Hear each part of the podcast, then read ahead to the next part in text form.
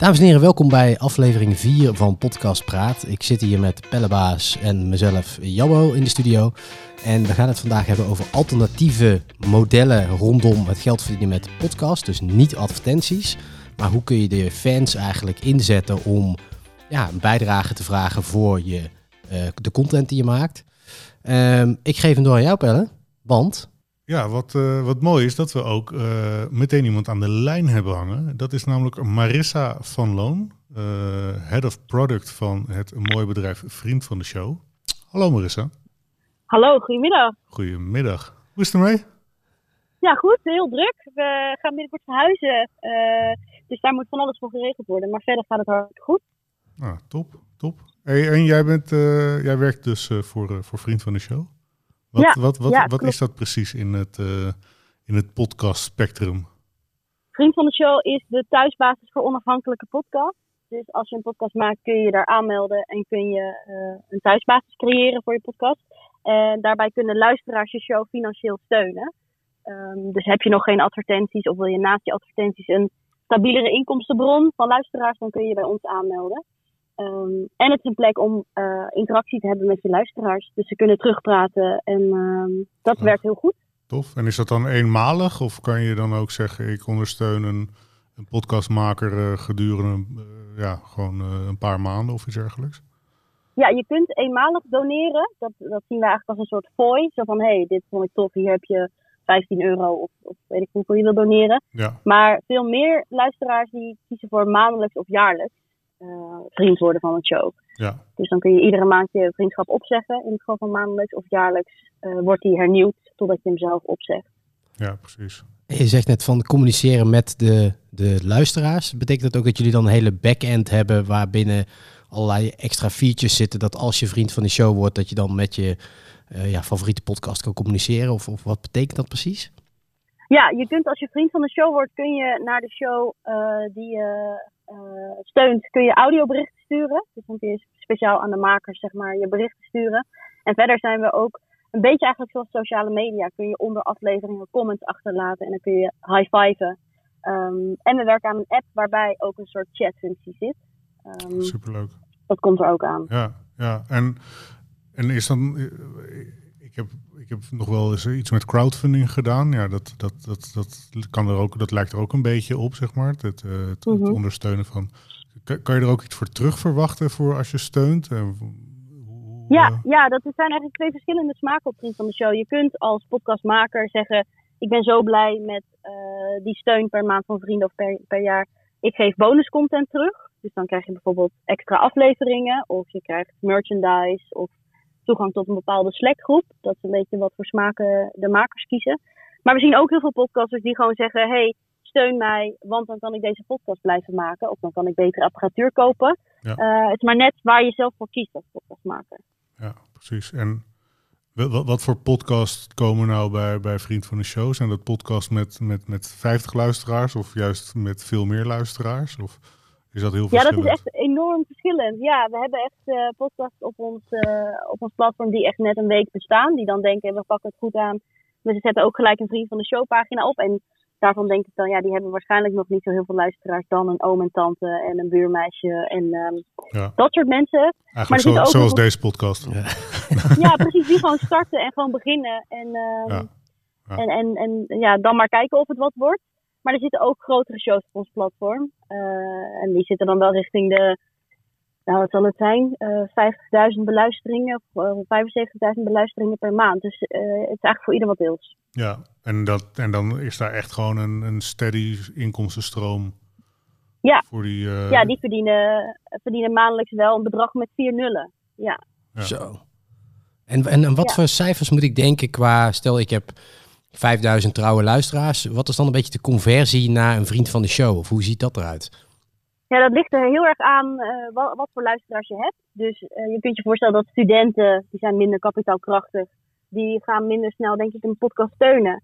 Uh, dat ligt ook aan hoe betrokken ze zijn bij de podcast. Maar gemiddeld genomen zien wij dat tussen de 1 en 5 procent vriend wordt. Uh, en shows die daar echt boven zitten, die doen het gewoon heel erg goed met community management. Dus die maken echt een groep van luisteraars. En daar wil je echt onderdeel van zijn. Dus die zitten dan nog wel iets boven die 5%. Zo. Maar gemiddeld genomen tussen de 1 en 5%. Ja, zo dus echt. Als je nou met, eh, met 5000 luisteraars, even een snel rekensommetje, dan kan je zo'n 50 tot 250 vrienden verwachten. Die dan misschien wel Mm. maandelijks, eh, ik zeg maar wat, 5 euro doneren. Ja, dat zou heel goed kunnen. En dan zou je kunnen nadenken over hè, wat ga ik met dat geld doen. Ja. Eh, je zou één dag minder kunnen gaan werken. Je zou andere apparatuur kunnen kopen. Ja. Misschien je gasten reiskostenvergoeding aanbieden. Ja, precies. Ehm, ja, je kan er voor heel veel, heel veel leuke dingen mee. Ja, gaaf hoor. Nou, mooi dat die, eh, dat die mogelijkheid er ook is. We hebben ook in andere podcasts hebben we andere zeg maar, verdienmodellen besproken. Advertentiemodel en ook eh, nou ja, voor jou ook niet onbekend de betaalde platforms zoals Podimo. Nee, Hoe, zeker. hoe, ehm, ja, hoe, kijk, hoe kijk jij naar, de, zeg maar, ja, zijn, zijn dat concurrentiemodellen voor jou echt? Of eh, vind je Nee, ook dat dat nee. in, samen met jou eh, kan leven, om het zo maar te zeggen? Ja, nou ja, allereerst denk ik dat alle, alle stappen die in de podcastmarkt worden gezet ervoor zorgen dat de podcastmarkt volwassen wordt. Ja. Dus dat juich ik eigenlijk alleen maar toe. En eh, Podimo of alle andere platforms die dat nog in gaan doen, die zijn niet een directe concurrent voor Vriend van de Show, omdat wij eh, ons vooral richten op onafhankelijke makers. En dus niet per se op bijvoorbeeld BN'er-shows Mhm. en hele grote shows met meer dan 75.000 luisteraars. Die gaan in principe vaak naar die platforms. Dus wij zijn er eigenlijk voor de wat kleinere onafhankelijke podcasts. En die hebben gewoon ook recht op, op een goed verdienmodel. Dus daar zijn wij voor. Ja. En voor de wat grotere podcasts op ons platform, we zien dat de combinatie tussen advertenties en vriend van de show heel goed werkt. Dat versterkt elkaar eigenlijk alleen maar. Ja. Ehm, we zijn natuurlijk ontsproten uit dag en nacht. Dus eh, ehm, ja, we zien dat de advertentiedeals die daaruit komen ehm, goed werken voor podcasts. Maar die shows hebben eigenlijk ook vaak best wel heel veel vrienden. Ja. En dat zien we ook bij shows van andere uitgevers. Dus dat gaat eigenlijk best wel heel goed samen. Ja, Wat gaat het dan ook dat het samenwerkt? Dus dat je dan als een adverteerder hebt die ook dan nog iets speciaals doet voor de vrienden van de show. Zit, zie je daar ook wel eens overlappen in ontstaan? Nou, niet zo heel erg vaak. Ook omdat, ja, kijk, het is ondoenlijk voor mij om 250 podcasts die op ons platform zitten allemaal te luisteren en te weten Ja. hoe zij zitten met adverteerders en wat zij doen. Eh, maar bijvoorbeeld een podcast over media, die had laatst een vriendenevenement. Ehm, en dan is er dus een adverteerder die daar wel aan bijdraagt ook. Ja. Dus op die manier eh, wordt het wel gedaan. tof hoor. Nou, heel erg bedankt voor je tijd. Ja, Graag gedaan. Ja, en eh, nou, ik denk dat wij na de, na de show nog, eh, nog wel even bellen voor eh, plannen met de podcast die wij eh, eh, maken Ja. hier in de studio. Eh, maar voor nu eh, hartstikke bedankt. ja. Graag gedaan. Erg Graag gedaan. En ook als jullie deze show willen aanmelden, dan zie ik hem wel voorbij komen. Ja, ja, ik denk niet dat we betere apparatuur nodig hebben. Eh, Nee, nee, nee. Maar eh, ja, we- we- Dat we een ko- koffietje betaald krijgen hierdoor, zou het toch ja, zijn? dat wij onszelf een koffie kunnen betalen. Dat is misschien... Precies. Maar ik weet niet hoeveel eh 1% van 10 is. Nee. Eh, nee, goed, goed. Nee, Je Maar- moet altijd klein beginnen. en Dat is waar, dat is waar. Dus een tante en een buurvrouw, toch? Zei je dat eh, dat, dat eerste... Ja. Ja. Nou, dan gaan we die Ja. maar eens even spammen. Ja. hey, dankjewel. Oké. En eh, we spreken elkaar snel. Ja, succes mannen. Hey, Yo, hoi, hoi, hoi. hoi. Doeg.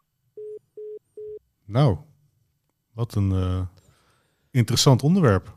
Ja, en ook wel weer een, een besef van hoeveel hier ook weer in verandert. En ehm, ik denk dat, dat dit in algemene zin met heel veel creators eh, gebeurt. Dus voor YouTube Ja. en allerlei eh, platformen. Dat eh, de TikToks van deze wereld beginnen ook allemaal creators al te betalen. Dus ja, het is gewoon heel tof dat een soort van... Want ik vind een vriend van de show voelt als iets heel erg wat ook nog echt eigen van jezelf Ja. is als maker. Ja, te dicht bij de community zit. Ja, en, en eh, dat je niet afhankelijk ook bent van bijvoorbeeld als je een keer iets verkeerd zou zeggen op YouTube, dat dan. YouTube zegt, krijg je advertenties.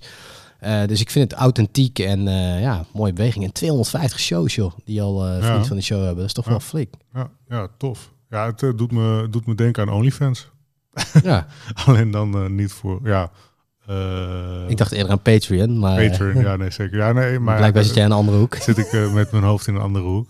Nou ja, kijk, het, het ding van OnlyFans is natuurlijk naast alle pornografische dingen. En dat, het is natuurlijk wel een hele, ja, wat jij zegt, een manier om heel dicht bij je volgers te komen. En nou ja, ik vind, ja, ik vind, dat, ik vind dat ook een supergoede eh ontwikkeling. Omdat je wat, wat, eh, Marissa ook zegt, je bent niet meer afhankelijk. Dus je bent Nee. echt een onafhankelijke podcastmaker. Ja. En eh, zo kunnen, we hadden het vorige keer over podcasts die misschien wel heel goed zijn om te maken, maar die voor adverteerders, eh, ja, waar, waar misschien niet heel duidelijk een link is voor, voor, voor adverteerders. Ja, of die het spannend vinden. De crime podcast ja, waar we natuurlijk over Ja. hoorden. Dat adverteerders dat spannend vinden om daar ja, in te stappen. Ja, dat soort, dat soort podcasts, die kunnen natuurlijk superveel hebben aan zo'n model. Ja. Ehm, dus nee, eh, super boeiend.